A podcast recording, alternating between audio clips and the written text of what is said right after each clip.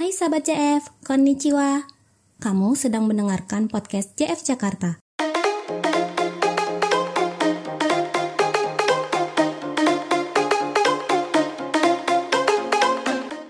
Japan Foundation atau lebih dikenal dengan JF adalah lembaga nirlaba milik pemerintah Jepang yang bergerak dalam bidang pertukaran budaya internasional.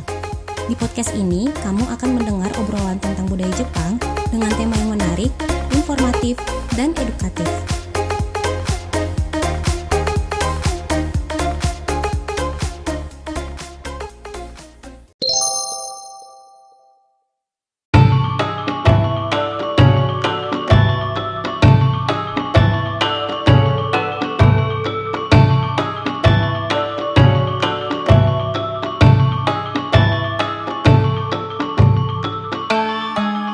Konnichiwa. Konnichiwa. Halo sahabat JF semuanya. Halo. Oke, teman-teman apa kabar? Semoga teman-teman semua dalam kondisi yang sehat, teman-teman tetap, tetap apa namanya mematuhi protokol yang ada karena kita tetap ada di dalam kondisi pandemi. Semoga teman-teman terhindar dari pandemi dan teman-teman uh, selamat datang kembali di podcast Bicara Bencana dari Japan Foundation Jakarta. Dah uh, kali ini adalah episode yang kedua, teman-teman. Jadi teman-teman kemarin uh, sudah mendengarkan tentang episode pertama tentang kenapa kita mengadakan uh, podcast bicara bencana ini tapi untuk episode kali ini kita akan membicarakan tentang bisakah kita mengkomunikasikan bencana dengan santai dan tidak menteror. Nah, di episode ini kita akan uh, kita sudah sudah sudah uh, menghadirkan yang pertama ada Gilang di sini. Halo Gilang. Halo Gilang. Halo Adi. Oke. Apa kabar Di? Baik. Gilang sehat kan? Halo halo Adi. Sehat kan? Aman aman. Cukup pa- Aman. cukup panas di Jogja. Oke, cukup panas. Karena memang panas banget beberapa hari ini di Jogja ya. Oke, oke. Gitu. Oke, eh, selain Tapi Gilang, mari kita Hah? lanjut berbincang-bincang sore ini. siap, siap, siap, siap. Oke, selain Gilang di sini juga ada Mas Ahmad Arif. Nah, Mas Ahmad Arif, halo. Selamat siang, Mas. Halo, selamat siang. Halo, Mas. Oke. Adi, Mas, Gilang ya. Eh, sehat, Mas? Sehat, sehat. Ya, sehat juga kan? Sehat, sehat, ah, sehat, pasti. Alhamdulillah. Aman aman aman. Oke, eh, Mas Arif, sorry, kita eh, kita mulai dengan perkenalan dulu kali ya, Mas ya. Jadi biar teman-teman eh, pendengar ini tahu eh, Mas Arif ini siapa. Mungkin monggo silakan Mas Arif perkenalan diri dulu nih, Mas. Iya, eh, saya Ahmad Arif. eh, kalau biasa dipanggil eh, Aik ya. Eh, saya jurnalis sebenarnya. eh, kerja di Kompas sudah sejak 2003 dan eh, kebetulan eh, sejak 2004 ya. Mungkin sejak tsunami Aceh. Saya, saya kebetulan ada di Aceh sebelum tsunami dan sesudah tsunami gitu. Kemudian fokus mendalami mengenai persoalan kebencanaan ya. Karena saya mengalami tsunami kehilangan banyak teman dan sejak itu eh, fokus di situ gitu dan eh, menulis menulis buku mengenai mengenai bencana juga gitu ya jurnalisme bencana bencana jurnalisme dan beberapa buku yang lain gitu Oke, terima kasih Mas. Eh, udah kita langsung aja kalau ngobrol-ngobrol ya. Eh, Gilang mungkin mau mau tanya dulu nih. Gilang Iya, ada banyak Mas. banyak- ada banyak pertanyaan, Iya di, Mas. iya di banyak di kepalaku nih di banyak sekali yang makanya saya ngajak Mas Arief ngobrol di sini. Banyak sekali yang ada di isi kepala ini. Soal ini ya, sebenarnya aku salah satu orang yang sempat menerima apesnya ketika ketika melakukan penelitian tsunami purba di Lombok waktu itu di kota Mataram mas. Ya. Em, setelah presentasi itu kemudian singkatnya presentasi itu dimaknai eh, yang berbeda oleh sebagian masyarakat Lombok gitu. Dan kemudian terjadilah eh, kekacauan informasi di sana orang-orang panik gitu yang menyebabkan tim risetku dan teman-teman harus klarifikasi sana sini. Pun nggak cuma selesai di situ. Ada beberapa peneliti teman juga yang kemudian eh, apa bahasanya sekarang ya dikriminalkan karena mempublikasikan hasil risetnya gitu. Em, di beberapa lokasi selatan Jawa tentang megatrust tsunami gitu. Em, aku pikir sih COVID ini bisa menjadi momentum ya eh, untuk berberes-beres bagaimana sih sebenarnya how to communicate bencana di Indonesia bagaimana sih kemudian kita menyelaraskan informasi. Tapi ternyata apesnya itu enggak tuh loh maksudnya justru malah semua orang seakan punya punya kekuatan untuk bicara tanpa dasar kemudian dengan sosial medianya sebagai senjata gitu. Sebenarnya menurut kacamata Mas Arief nih apa sih yang menyebabkan kekacauan terjadi gitu maksudnya eh, nggak bisa apa Indonesia ini kita ini sehat aja lah dalam berkomunikasi beberapa waktu aja dulu gitu loh maksudnya Uh, karena kacau gitu loh, kacau banget semua orang ngomong ini itu nggak ada dasarnya gitu. Mungkin mungkin membuat sebagian orang juga gedek gitu ya kok informasinya banyak dan liar. Kira-kira apa sih mas yang menyebabkan ini mas itu mas? Ya, uh, ya Mas Gilang. Jadi memang sebenarnya komunikasi ya atau komunikasi resiko sebenarnya kalau dalam bahasa ininya ya, bahasa bencananya atau bah bahasa uh, eh, WHO juga ya sebenarnya kesehatan maupun bencana uh, ini juga hampir sama sebenarnya bahwa komunikasi risiko ini sebenarnya elemen yang paling penting dalam dalam bencana sebenarnya. Dia harusnya bahkan dibangun uh, pra bencana dalam konteks mitigasi, dalam konteks pengurangan risiko itu seharusnya komunikasi resikonya juga ditata. Dan kemudian saat terjadinya krisis seperti sekarang misalnya pandemi Covid ini komunikasi resiko juga harus jalan dan berikutnya uh, bahkan pasca bencana ya artinya proses rehabilitasi rekonstruksi itu juga harus. Kenapa komunikasi resiko menjadi sangat penting? Tetapi ini menjadi persoalan yang yang menjadi masalah terus gitu ya. Uh, orang sering kali salah memahami bahwa komunikasi resiko itu seolah-olah proses yang searah yang uh, orang apa tuh uh, seperti sosialisasi gitu ya. Jadi kita menyampaikan informasi lalu berharap bahwa ini akan diikuti oleh orang gitu. Enggak, padahal sebenarnya dalam konteks komunikasi resiko, WHO maupun UNDRR juga sama sebenarnya menggunakan term yang sama. Ini adalah proses dua arah sebenarnya. Bagaimana kita uh, ketemu antara pemberi pesan dan uh, penerima pesan itu berkomunikasi dengan enak sebenarnya. Nah, untuk bisa terbangun dan tujuan tujuannya apa sih sebenarnya komunikasi resiko? Komunikasi resiko itu tujuannya sebenarnya untuk empowering ya, meningkatkan kapasitas orang lain, uh, orang individu maupun keluarga atau komunitas menjadi lebih uh, sadar mengenai resiko dan kemudian bersikap untuk mengurangi bahaya bagi dirinya maupun orang di sekitarnya sebenarnya. Nah, uh, di dalam konteks itu kunci yang paling penting dalam komunikasi resiko juga ini di highlight sebenarnya di highlight oleh WHO juga misalnya adalah uh, trust sebenarnya. Kepercayaan antar uh, dua aktor tadi antara penerima pesan dan penyampai pesan. Dalam konteks ini misalnya kalau kita ngomong pandemi misalnya antara ahli antara pemerintah antara masyarakat harus terbangun kepercayaannya. Dan untuk terbangun kepercayaannya itu kan butuh uh, pertama data yang benar, data yang baik ya. Maksudnya data yang transparan yang artinya tidak ada uh, kecurigaan kan antara antara uh, semua pihak tadi. Juga cara menyampaikannya yang benar juga dan evaluat dan ada proses evaluatif. Kadang-kadang kan kita berpikir gini, pelaku kebencanaan atau pemerintah atau ahli itu ketika udah menyampaikan mengira bahwa semua orang udah paham dengan apa yang disampaikan. Uh, Padahal belum tentu belum tentu uh, apa yang kita sampaikan itu ditangkap oleh orang yang orang lain sama gitu. Karena nggak ada proses evaluasi sering kali gitu ya. Nah di sini di sini yang perlu perlu kita ini kan ya. Menurut saya uh, kita harus ketemu nih uh, bagaimana sebenarnya komunikasi resiko dan komunikasi resiko ini bisa beda-beda ya. Maksud saya uh, apalagi masyarakat Indonesia yang memiliki keberagaman kultur, keberagaman etnisitas, keberagaman bahasa yang itu bisa jadi eh, masing-masing uh, masyarakat itu cara menyampaikannya juga kadang-kadang beda-beda gitu. Kepada orang yang memiliki tingkat pendidikan yang berbeda mungkin bahasanya juga harus berbeda gitu. Termasuk termasuk mediumnya sebenarnya. Medium itu uh, apakah juga semuanya harus melalui uh, tulisan misalnya atau semua melalui gambar misalnya atau melalui uh, dan juga uh, uh, aktor ya aktor-aktor kunci misalnya. Kadang-kadang komunikasi resiko yang efektif kalau kita bisa mengajak uh, key person ya atau orang-orang kunci di komunitas itu untuk menyampaikan pesan. Karena mungkin wavelengthnya udah sama kan bahasanya udah sama gitu. Sehingga misalnya kalau mau menyampaikan kayak misalnya tadi kasusnya Mas Gilang di Lombok mungkin jangan-jangan yang harus kita uh, informasikan dulu adalah tokoh-tokoh kunci di situ dulu gitu. Disampaikan dulu diajak dulu. Jadi itu mas mungkin menurut saya. Salah satu kalau kita ngomong dari sisi teoritisnya ya dan Mas ini ini menarik sih sebetulnya karena ya. uh, apa namanya dari dari tadi kas, dari kasus yang di Lombok itu kemudian masalah uh, komunikasi resiko dan yang lain-lain uh, terutama untuk kasus di Lombok ini dan juga mungkin untuk kasus-kasus yang lain ya ini terkesan seperti uh, masih banyak orang itu terasa apa ya uh, tidak nyaman atau tidak mau untuk membicarakan bencana ya. Iya. Kira-kira ini Kayak kan, ngapain sih gitu ya? Iya, iya, iya. sih ngomongin bencana. Ya. Kemudian aman -aman aja kemudian kok. ada ada informasi tentang itu Orang-orang jadi, loh kita nggak apa-apa kok kita gini. Mungkin itu yang kemudian menjadi yeah. konflik mungkin. Betul. Denial di situ. Ya. Memang ya, ada per, ada ada kecenderungan memang kalau menurut saya ya, uh, saya bukan stereotyping ya, mungkin tidak semua masyarakat Indonesia seperti itu.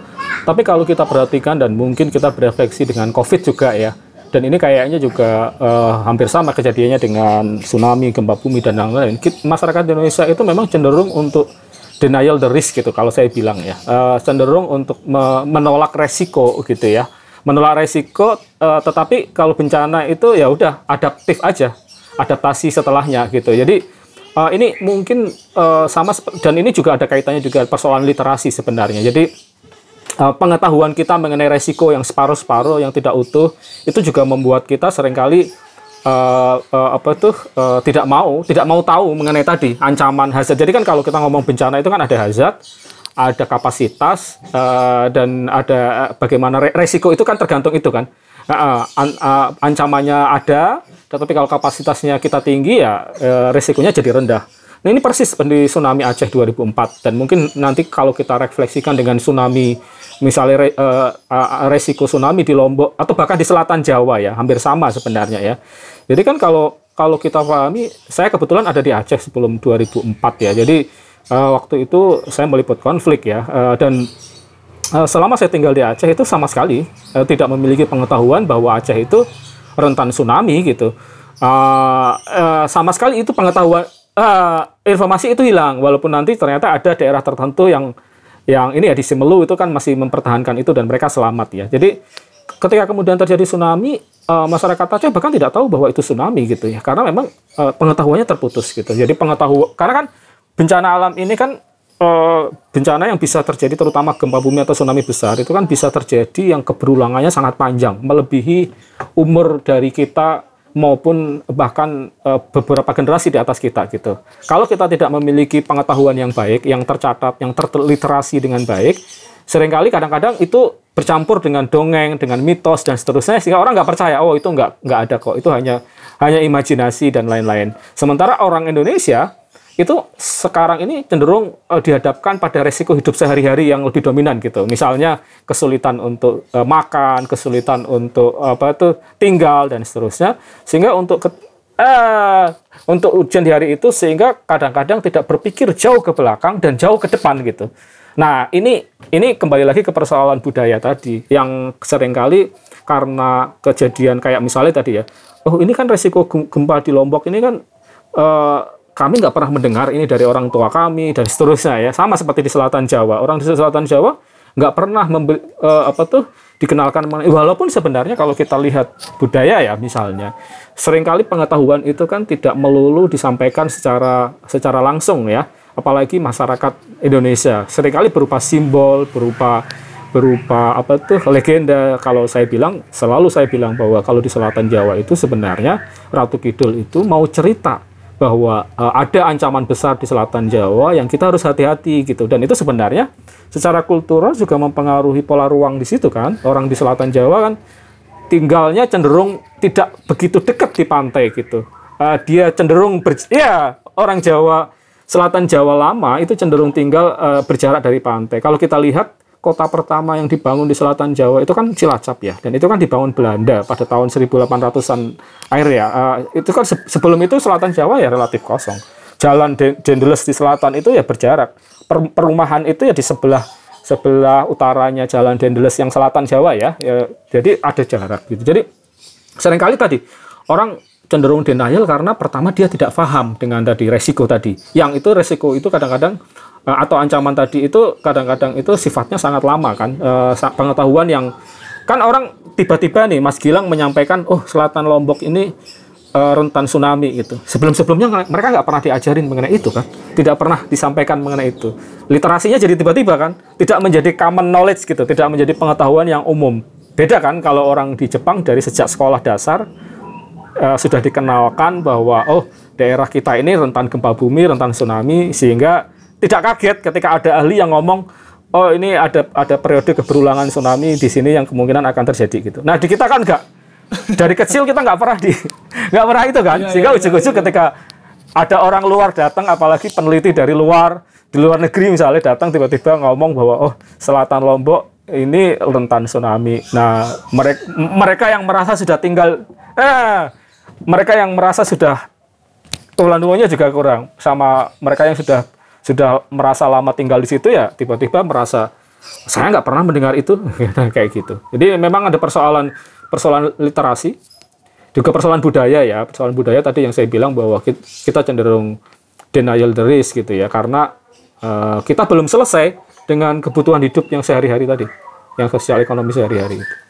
Menarik mas, jadi inget aku obrolan dengan teman waktu aku kemarin beberapa hari lalu naik ke Merapi gitu. Ada satu orang tokoh itu teman di Merapi hmm. ngobrol tiba-tiba nyeletuk gitu Misal, Kita tuh sebenarnya terlalu sering ngobrolin bencana gitu Tapi lupa bersiap-siap gitu. Uh, Padahal kan terus jadi pikiranku ke mana-mana kayak what what's make us forget apa yang membuat kita lupa gitu. Maksudnya misalnya kita punya term sendiri tentang tsunami di di di Mentawai mungkin ada istilah smong mungkin terus kemudian di Banda Besar di Ambon banyak sekali catatan kolonial tentang tsunami purba gitu. Aku pengen Mas Arief menanggapi sebenarnya kita itu sengaja melupakan dihilangkan catatan-catatan itu atau memang kita pura-pura lupa atau memang nggak tahu aja gitu. Soalnya menarik banget obrolannya. Kita tuh terlalu sering ngobrolin bencana tetapi lupa bersiap-siap. Kata lupa itu tak spotlight banget kepikiran saya mas.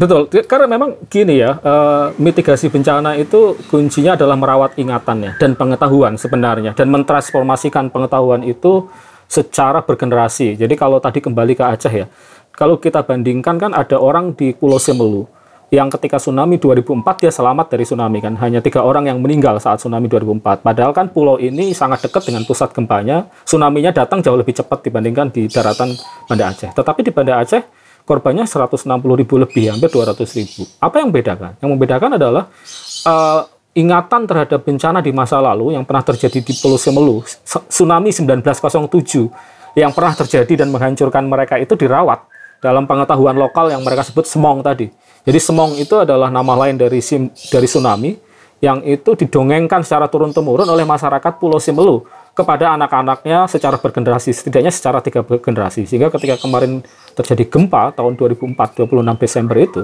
orang-orang tua langsung ngomong, ini semong. Sehingga cepat mereka lari ke, ke semuanya lari ke gunung, rumahnya hancur ditinggalkan tetapi orangnya selamat. Nah, di Banda Aceh tidak memiliki pengetahuan itu sehingga pengetahuannya terputus kan. Ingatan mereka tidak tidak tidak berkembang itu. Kenapa itu ingatannya terputus? Ada banyak faktor. Salah satunya misalnya karena faktor uh, penjajahan juga bisa jadi.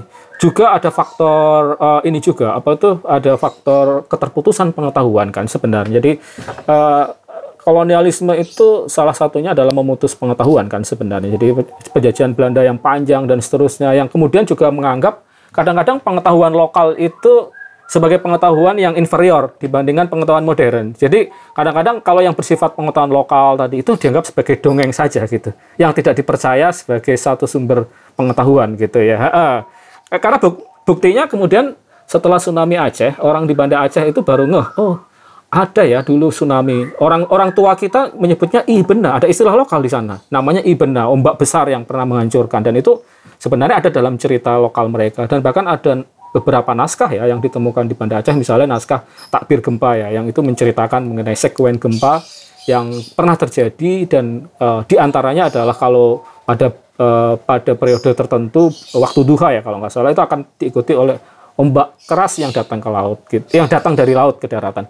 Nah uh, uh, ini karena terputus tadi ya pengetahuan terputus dan juga lagi uh, di Indonesia ini kompleksnya adalah adanya keberagaman etnis, keberagaman wilayah yang kadang-kadang pengetahuan yang dimiliki oleh orang Simelu itu tidak tertransformasi ke orang-orang di Banda Aceh bahkan. Padahal sama-sama Aceh ya misalnya ya. Pengetahuan di Pulau Simelu, di Pulau Mentawai, pengetahuan di Pulau Enggano, pengetahuan di Ambon tidak menjadi pengetahuan yang bersifat nasional karena tadi ada keterputusan pengetahuan-pengetahuan lokal itu ya hanya menjadi uh, jenis loci di situnya aja di daerahnya masing-masing, tapi tidak menjadi pengetahuan yang nasional. Kalau kita definisikan, misalnya contoh sederhananya gini, di kamus besar bahasa Indonesia ya, sampai sekarang sepertinya masih itu kamus besar bahasa Indonesia yang disusun oleh uh, ini ya Kementerian Kemendikbud ya, itu definisi definisi tsunami adalah uh, ombak besar yang terjadi ketika kalau terjadi gempa bumi atau letusan gunung dan lain-lain. Biasanya terjadi di Jepang dan sekitarnya. Jadi seolah-olah belum umum biasa terjadi di Indonesia gitu. Padahal kalau kita baca uh, data dengan lebih cermat ya, uh, frekuensi tsunami di Indonesia dan Jepang itu hampir sama sebenarnya. Uh, saya kemarin sempat baca data di NOAA ya, itu relatif relatif sama sebenarnya uh, intensitasnya dalam 200 tahun terakhir ya. Karena kan wilayah kita kan banyak ya dan hampir semua wilayah Indonesia yang berhadapan dengan zona ya pesisir, terutama zona subduksi itu yang dari Aceh sampai ke Maluku sampai Papua itu ya pernah memiliki jejak tsunami gitu. Jadi kan ada apa ya belum nyampe tadi gitu kesadaran bahwa kita kita tinggal di zona yang beresiko itu belum disadari secara kultural. Mungkin disadari oleh beberapa etnis yang tadi, tapi terputus tadi pengetahuan. Ya tugas kita nih sekarang memang bagaimana menyambungkan kembali pengetahuan yang mungkin ada tapi berserak di tiap daerah ya. Saya tuh pernah iseng-iseng me mencatat kosakata lokal yang terkait sama tsunami itu banyak sekali sebenarnya. Tadi saya sebut ya, misalnya kalau di Simelu kan semong, di Banda Aceh ada i bena, di Singkil itu ada namanya geluru atau galuru. Terus ada di Barus itu namanya uh, uh, apa itu gergasi dari laut. Di Ambuk uh, di Ambon itu ada namanya air turun naik gitu. Jadi airnya turun dulu baru naik gitu. Lalu di Pulau K itu ada waru.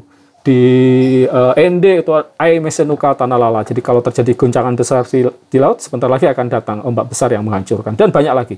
Jadi itu sebenarnya bukti ada banyak pengetahuan-pengetahuan lokal yang berserak yang sayangnya tidak menjadi uh, pengetahuan nasional yang kemudian membuat kita sadar bahwa kita ini sama-sama tinggal di daerah yang yang berisiko dan harus melakukan persiapan. Jadi kalau PR pertama itu memang ini kita harus tidak denial sebenarnya. Apa itu tidak uh, tidak boleh denial. Jadi kita harus menyadari bahwa memang kita tinggal di negara kalau saya bilang ya saya dulu pernah bikin namanya ekspedisi cincin api ya jadi keliling wilayah Indonesia untuk mengidentifikasi daerah-daerah yang rentan gempa bumi tsunami ya. Jadi yang pertama-tama harus kita terima adalah kita tinggal di negara yang memang rentan gempa bumi dan tsunami. Itu pertama-tama yang harus kita sadari. Jadi kita harus sadar sebagai orang Indonesia, kita tinggal di negara yang uh, frekuensi gempa dan tsunami-nya itu tinggi sekali. Kita tinggal di negara yang memiliki gunung api terbanyak di dunia dan seterusnya. Nah, nah ini harus pertama-tama harus di, harus di, harus disadari dulu. Diterima kemudian baru kemudian bagaimana memitigasinya kan? Bukan kemudian bukan kemudian uh, seolah-olah ya takut ya pasti ya takut wajar. Tetapi yang paling penting kan bencana itu kan bisa di uh, uh, bencana kan bisa dikurangi resikonya. Kan kita nggak mungkin semuanya pindah ke Jepang semua kan? Karena Jepang juga sama kan sebenarnya beresiko. Ya. Nah, itu apalagi.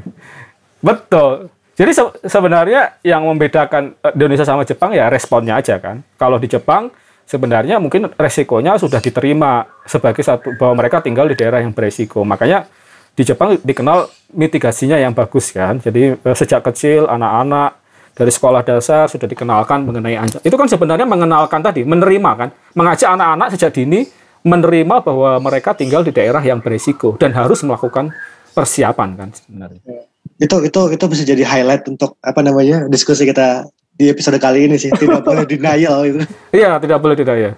Sama, sama sama seperti sama seperti itu loh sebenarnya ilustrasinya. Ketika kita mengalami COVID waktu itu, hampir semua negara waktu itu ketika bulan Januari, Februari, eh, kalau kita ingat ya, eh, negara-negara tetangga kita semuanya sudah melaporkan adanya kasus COVID.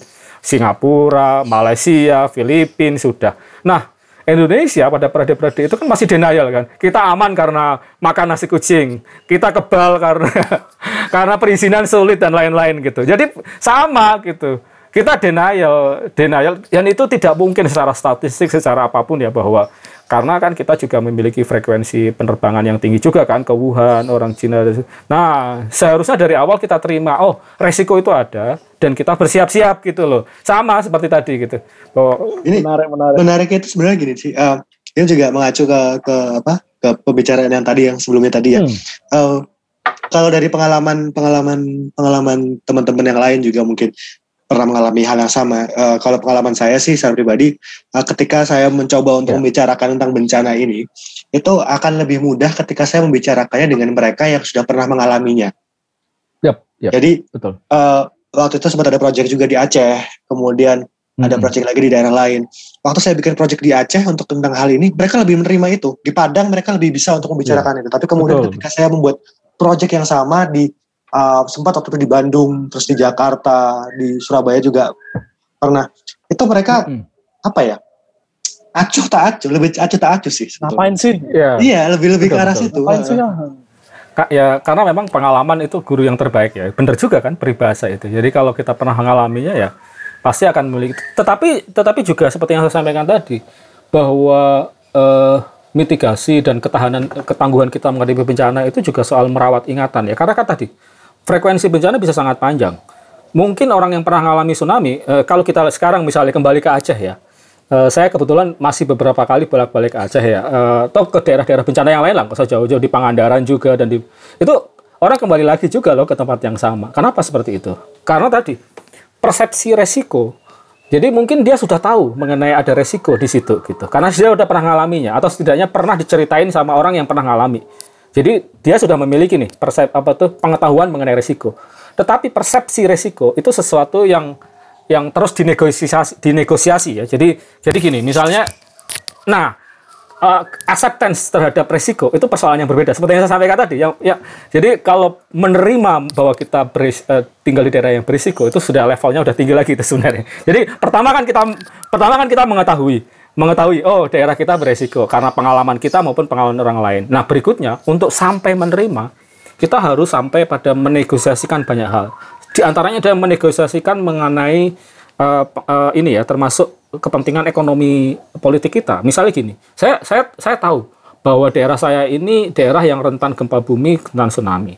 Tetapi kalau penghasilan saya tergantung pada misalnya nelayan yang tinggal di tepi pantai gitu, lama-lama dia berpikir kalau saya nggak makan, saya nggak e, berlayar ke laut, saya nggak tinggal di tepi pantai, maka saya akan e, apa tuh menghadapi resiko yang lain, yaitu resiko kesulitan makan kan, sehingga akhirnya dia mengabaikan itu gitu. Toh ancaman tsunami ini kita belum tahu kapan akan terjadinya. Nah, di sini pentingnya tata kelola sebenarnya. Kalau saya bilang bahwa antara kesadaran individu terhadap resiko itu harus diketemukan dengan tata kelola yang bersifat uh, government ya. Misalnya gini, untuk nelayan yang memang tinggal di daerah beresiko, kita harus memikirkan solusinya. Misalnya, mungkin uh, dengan merelokasi mereka agak jauh dari uh, di tempat yang tinggi, atau mungkin malah menyiapkan infrastruktur untuk evakuasi uh, mandiri ketika terjadi, walaupun mereka tinggal di situ, tapi disiapkan jalur evakuasinya dan lain-lain gitu. Jadi sehingga karena kalau enggak, lama-lama orang tadi akan abai juga gitu.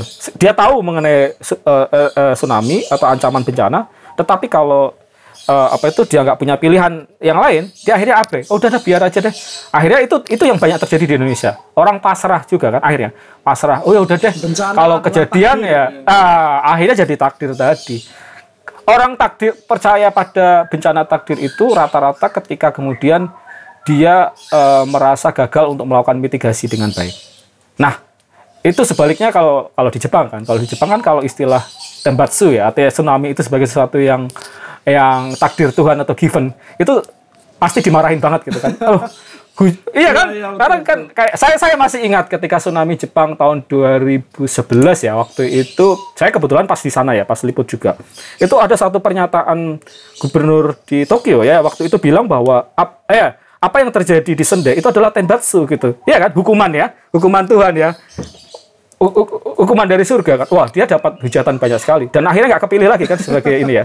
Karena bagi bagi orang Jepang, bencana itu eh, nggak uh, ada hubungannya dengan dengan tadi dengan takdir dengan uh, ini tetapi bencana terjadi kalau misalnya kita gagal melakukan mitigasi dan gagal uh, melakukan pencegahan yang baik kan sebenarnya kan jadi bagaimana me, me, me, me, menjadikan bencana itu sebagai antroposen ya tanggung jawab manusia itulah sebenarnya.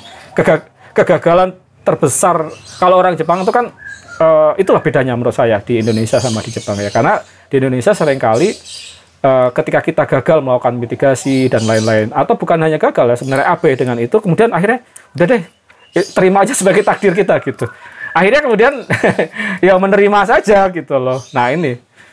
Akhirnya kayak misalnya ini sekarang nih contoh yang paling paling sederhana kan kemarin ketika terjadi banjir di Kalimantan Selatan, banjir di mana itu di Semarang, orang akhirnya nyalain hujan ya, kan? Ya, ya, ya. ya kan ini kan karena hujan tinggi, Duh, curah hujan. Ya hujan mem, eh curah hujan, salah lagi alamnya kan? Padahal sebenarnya kan mungkin karena tata kelola, mungkin karena kita kurang uh, bagus dalam deteksi dan lain-lain. Jadi itu sih kalau saya. Ya, ya. Pun sebenarnya ketika, ketika kita membicarakan bahwa ini adalah takdir, Oke okay lah, yeah. misalnya takdir. Kalau kita kita tarik yeah. ke iya. konteks agama Indonesia ya, yeah. ketika itu adalah takdir, sebelum kita berserah pada takdir sebagai Betul. umat manusia yang baik, yeah, kan kita mengupayakan segala cara supaya kita selamat kan. Betul. Nah itu kadang-kadang kita belum melakukan segala cara dengan benar-benar. Iya, sebelum melakukan usaha sudah takdir dulu gitu. Padahal sebenarnya karena mal karena males aja gitu. Males atau sebenarnya karena dia denial tadi kembali denial pada pada faktor faktor resiko atau faktor hasad yang sebenarnya bisa dimitigasi dengan baik sebenarnya. Kan, kan contoh contoh sederhana misalnya gempa ya. Gempa itu kan hukumnya sederhana bukan gempa yang membunuh kita kan. Tetapi bangunan kita yang tidak tahan gempa sepakat, sepakat. yang tidak bagus strukturnya itulah yang mematikan ya, kan. kalau struktur bangunan kita bagus ya kayak kemarin contoh sederhana gempa di Jepang yang kemarin 7, berapa? 2 ya? ya. 7,2 atau 7, oh, berapa? Saya lupa ya. Yang di Fukushima, Fukushima Senda ya. Beberapa minggu yang lalu. Itu kan tidak ada orang yang meninggal, kan? tidak ada bangunan yang roboh. Tidak ada tidak ada sementara gempa di Majene gempanya berapa? 6, sekian ya, 6,2 ya kalau nggak salah ya. 6,2 dan uh, apa tuh saya kemarin sempat membandingkan saya sempat menulis juga membandingkan uh, eh, PGE-nya ya apa tuh uh, ground motion-nya goncangannya di tanah sebenarnya jauh lebih besar di di Sendek gitu. Artinya uh, uh, uh, uh, apa tuh uh, ke, kalau gempa 7,2 itu terjadi di Majene pasti korbannya jauh lebih banyak. Tapi di, di, di, di Jepang nggak ada korban. Apa yang membedakan? Yang membedakan ya tadi persiapan. Bangunan di sana sudah memenuhi standar tahan gempa di kita tidak. Jadi sebenarnya hazard itu relatif gitu. E, maksudnya hazard besar ya bisa menimbulkan ancaman lebih besar, tetapi kemudian menjadi bencana itu tergantung kita. Jadi kembali ke bagaimana kesiapan kita. Ya dan kembali lagi tadi, bagaimana kita menerima bahwa di sekitar kita itu ada ancaman dan harus kita kelola. Itu aja sebenarnya, simpel aja sebenarnya. Kalau kalau kita sekarang ngomongin tentang media nih, Mas. Iya, iya. Uh, media di Indonesia ini kalau menurut Mas uh, hmm. uh, media Indonesia di dalam mengkomunikasikan bencana ini apakah sudah oke okay, yeah. atau apa atau bagaimana? Ya, ini ini juga memang uh, bisa dibilang ada sat, uh, media juga mungkin berkontribusi ya dalam uh, uh, uh, membuat masyarakat kita cenderung uh, tadi ya cenderung untuk tidak serius dalam melakukan mitigasi dan lain-lain.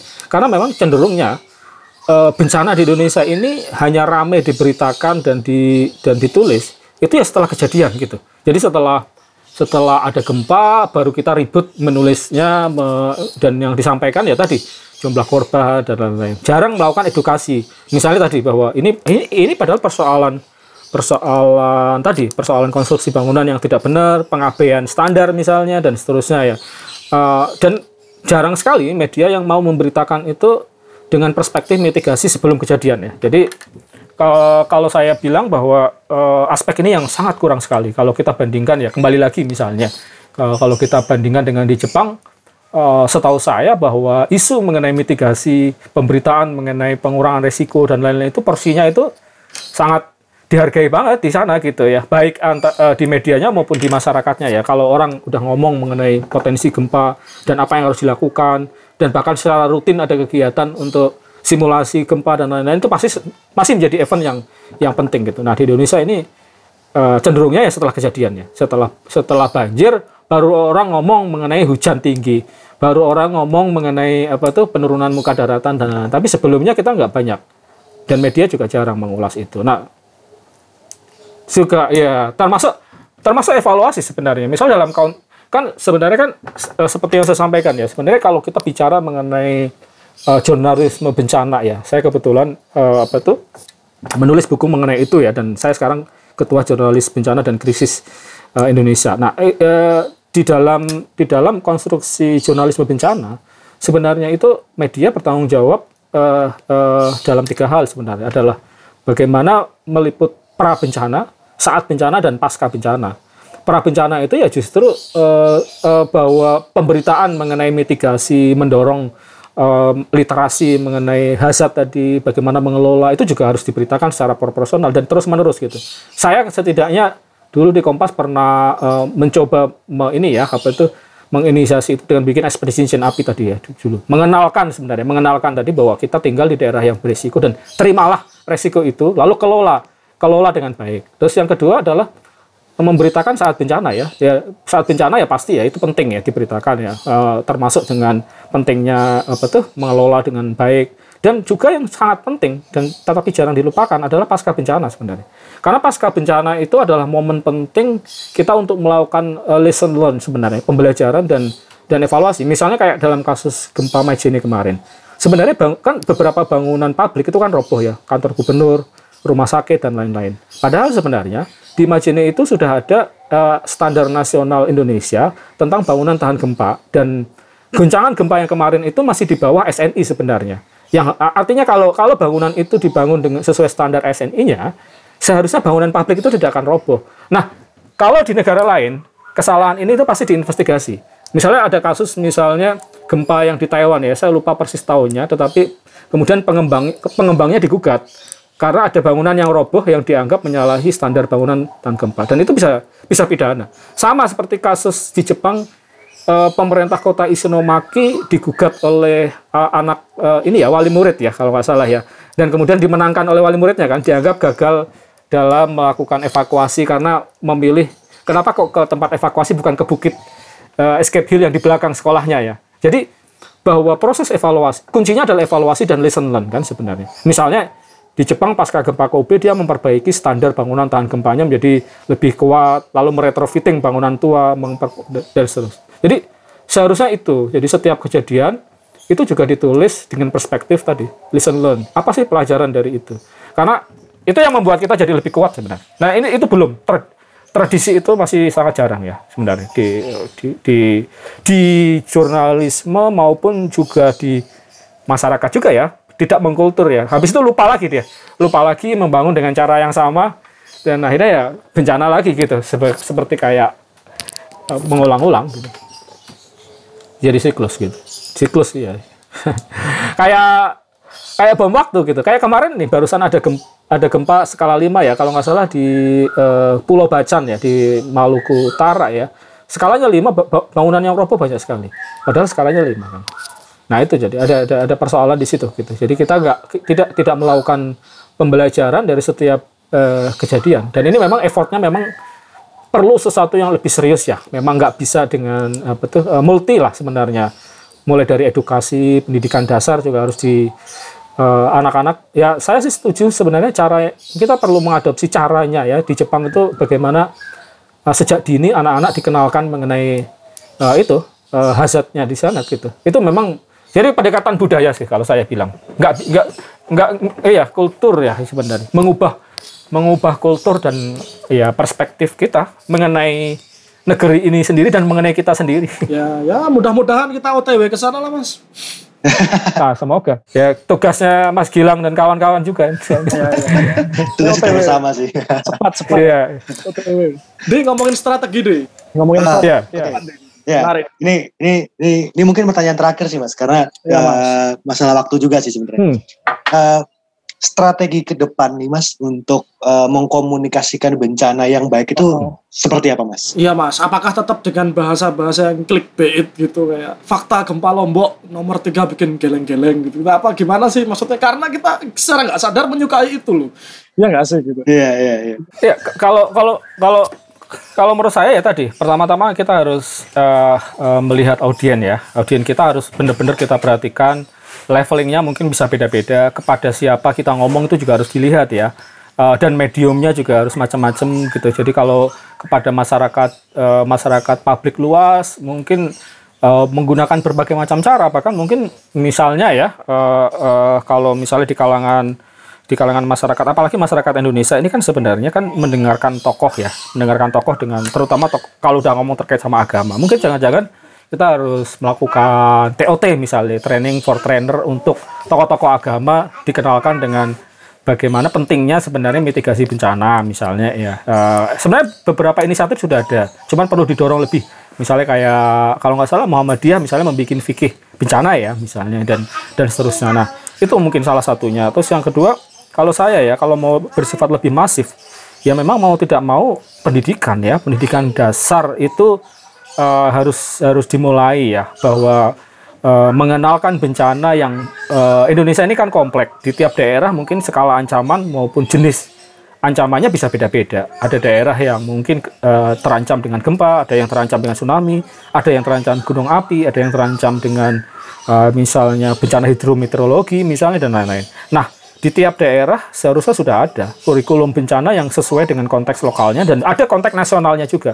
Dalam artian ada satu pelajaran yang menurut saya sangat penting ya yang saya dapat ketika saya uh, dari Jepang itu Jepang itu selalu menggunakan momen bencana itu untuk membangun kayak kitsuna ya. Jadi kayak bonding ketika terjadi tsunami 2011 itu kemudian jadi kayak apa ya? Oh ini ini ini ini nganu loh, apa itu bencana kita bersama loh ya. Dan lo juga harus sadar bahwa di daerahmu juga rentan dan lain-lain. Jadi menggunakan momen itu untuk membangun kesadaran bersama dengan uh, ini. Nah di Indonesia itu yang belum. Kadang-kadang tsunami Aceh, mungkin tsunami Aceh agak lebih besar ya skalanya. Tetapi kadang-kadang ini terjadi gempa di Jogja gitu.